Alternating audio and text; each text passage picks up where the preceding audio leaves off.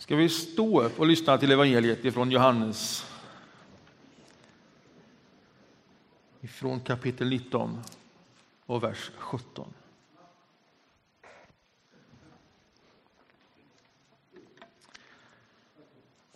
Han bar själv sitt kors ut till den plats som kallas skallen på hebreiska Golgata. Där korsfäste de honom tillsammans med två andra, en på var sida tillsammans, en på var sida med Jesus i mitten. Pilatus hade också låtit skriva ett anslag som sattes upp på korset och där stod Jesus från Nasaret, judarnas konung. Detta lästes av många judar eftersom platsen där Jesus korsfästes låg strax utanför staden och texten var på hebreiska, latin och grekiska. Men judarnas överstepräst sa till Pilatus, skriv inte judarnas konung, utan vad han själv har sagt, jag är judarnas konung. Pilatus svarade, vad jag har skrivit, det har jag skrivit.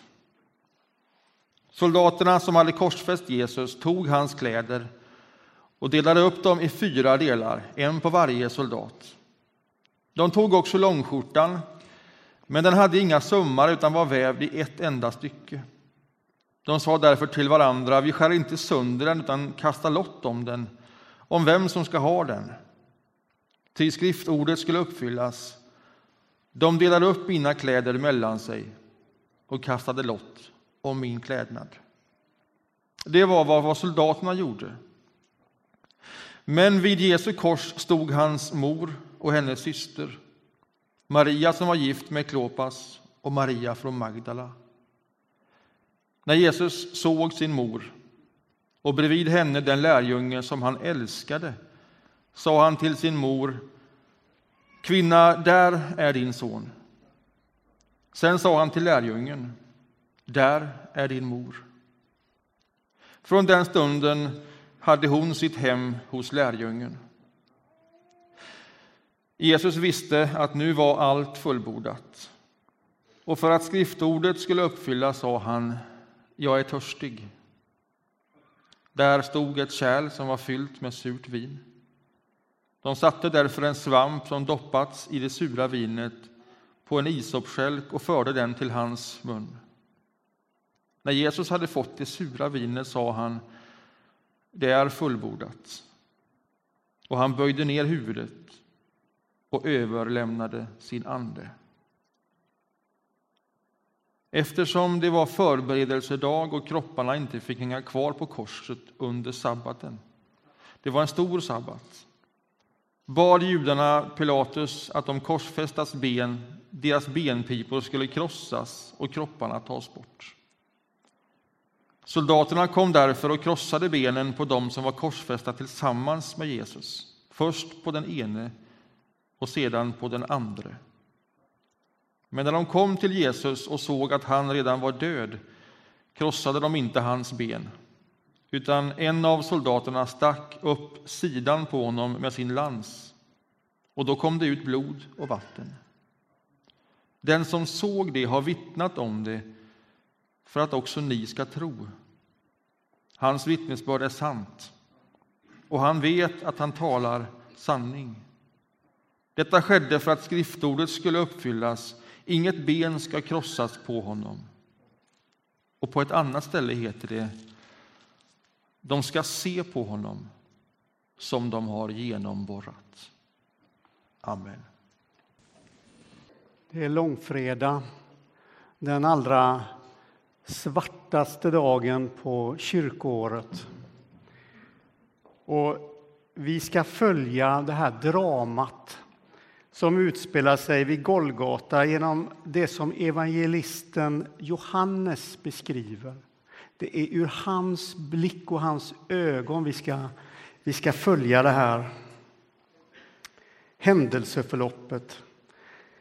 Där hänger Jesus på korset tillsammans med två rövare som om han vore en kriminell bland kriminella. Och vi förstår när vi hör texten att det måste ha varit en del, kanske inte så få, judar som fanns närvarande vid Golgata. Men bara en handfull efterföljare till Jesus hade vågat sig hela vägen fram. Det är i alla fall det som Johannes beskriver, som han vill att vi ska sätta vår eh, uppmärksamhet på. Och Johannes nämner några personer som finns med där till slutet. Det är Jesu mor.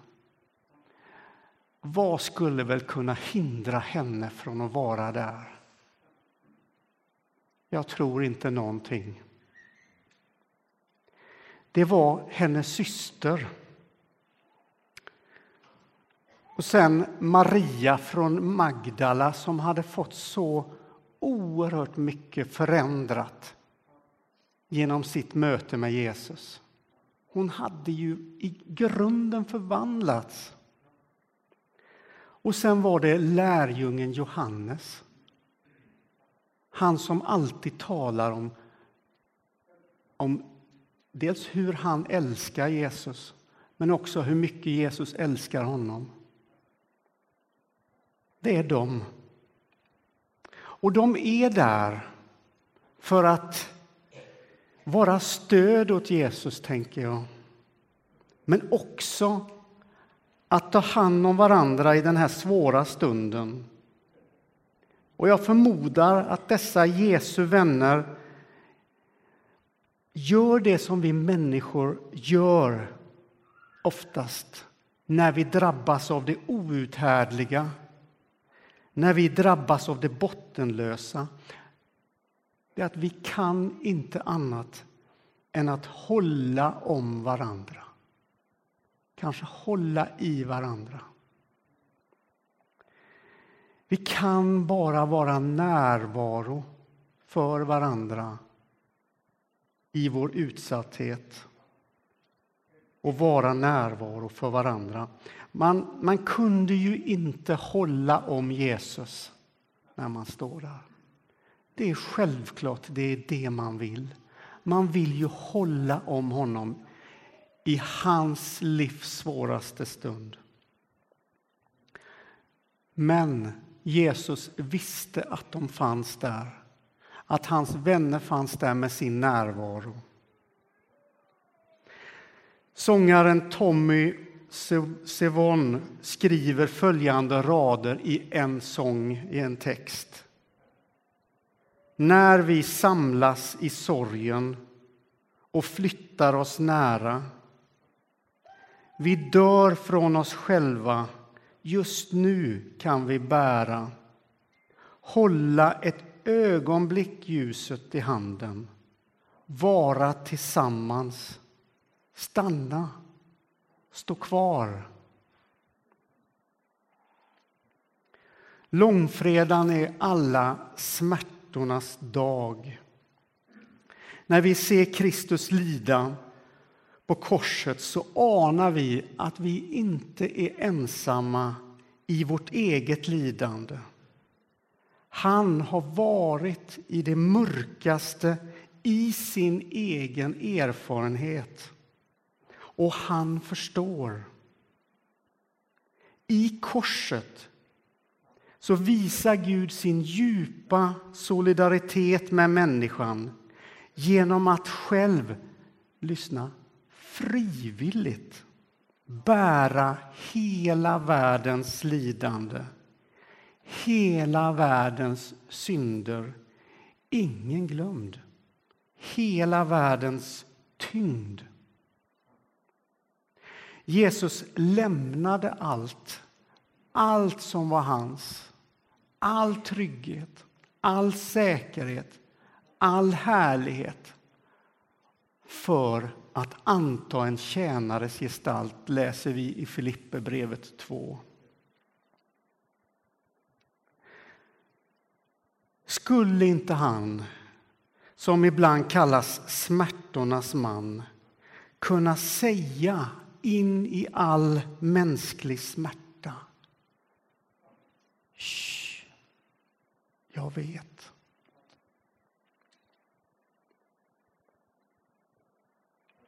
När vi människor drabbas av lidande, olyckor, sjukdom och död, när vi människor upplever svåra förluster så kan vi ju inte alltid värja oss ifrån det. Vi kan bara förhålla oss till det som drabbar oss. Så är det inte för Jesus när det kommer till lidandet. Det drabbar honom bara inte som någonting oväntat som han måste förhålla sig till. Nej, han har på förhand valt lidandets väg där korset är själva målet. Där korset kanske är lidandets krona, eller hur man nu skulle kunna uttrycka det. Det är någonting ytterst medvetet och kalkylerat när Jesus går in i sitt uppdrag. När han går mot korset och dör på korset. Han har svarat ja på kallelsen att gå den svåraste och mest oländiga av vägar. Offrets väg, utarmandets väg, kärlekens väg. Och vi minns orden som Jesus säger i Johannes 15 och 13 i ett tillfälle. Ingen har större kärlek än den som ger sitt liv för sina bröder. Det var tydligen inte bara vackra ord eller ett fint citat. Han menade någonting med det.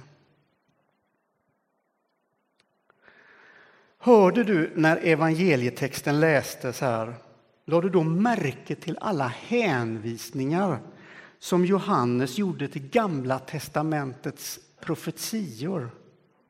Varför är det så viktigt för Johannes att knyta de här olika små detaljerna till de här detaljerade händelserna vid korset till vad Israels profeter talat om genom historien? Jag tror på ett par saker. Jag tror det första är gudomlig precision. Kan det vara så att han vill visa på att det ligger en, en gudomlig precision bakom alltihopa? Att allting hänger ihop. Att Gud rör sitt finger genom historien och pekar fram emot korset. Det är ju som om historien otåligt väntar på det här eh, tillfället och kan liksom inte hålla tillbaka det som ska hända i korset utan det sipprar fram små trösterika ord små uppmuntringsord genom historien, genom profeterna för att knyta ihop allting. Och det ska tala till oss att det finns en, en gudomlig precision genom hela historien. Det är ingenting som bara händer och som Jesus måste reagera på. Kan det vara så Johannes tänker? Det andra är att Johannes vill förankra Jesu död på korset in i den judiska historieskrivningen. Att det som händer på korset är djupt rotat i texterna och i det judiska hoppet om att det ska komma en Messias i den judiska väntan.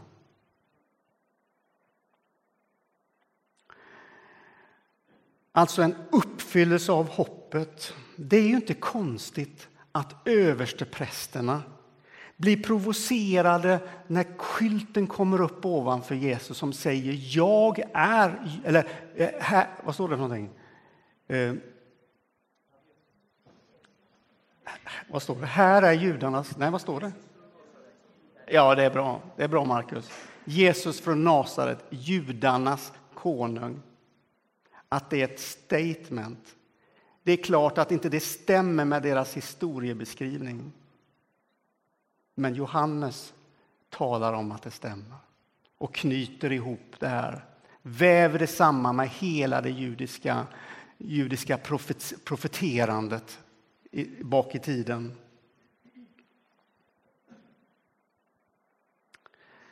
Låt oss ta oss tillbaka till Jesu vänner som står kvar där vid korset för att mitt i sin egen sorg stötta Jesus. Hur skulle de klara sig? Hur skulle de klara att leva vidare efter det här? Var det ens en möjlighet? Allt var ju bara förvirring och smärta. Och det är ju så när vi människor tappar fotfästet. Och vi läser ur evangelietexten Johannes 19 och 26 att när Jesus såg sin mor och bredvid, nu är han där igen, den lärjunge som han älskade, säger Johannes. Sa han till sin mor, kvinna, där är din son. Sedan sa han till lärjungen, där är din mor. Från den stunden hade hon sitt hem hos lärjungen. Hur ska vi uthärda smärta, förändring, sorg, avgrund? Jesus pekar på samma sak som Peter Suvon sjunger i sin text och sin sång. När vi samlas i sorgen och flyttar oss nära. Dör från oss själva, just nu kan vi bära. Hålla ett ögonblick ljuset i handen. Vara tillsammans, stanna, stå kvar. Är det det som Jesus säger till sin mor och till lärjungen? Att flytta lite närmare varandra. Inte att det finns alla svar och inte att det alltid finns lätta lösningar. Men vi kan flytta oss nära varandra. När Jesus fört sin mor närmare Johannes och, och blir törstig, då sätter man ju en eh, svamp på den här isopskälken och för upp den till hans mun. Och så kommer slutet när Jesu kropp inte längre orkar den här pressen som har pågått i timmavis. Och han säger det är fullbordat. Alltså att hans uppdrag är färdigt. Det är inte halvfärdigt. Det är ingenting mer som behöver göras. Han har inte misslyckats med det som var hans intention. Det är fullbordat.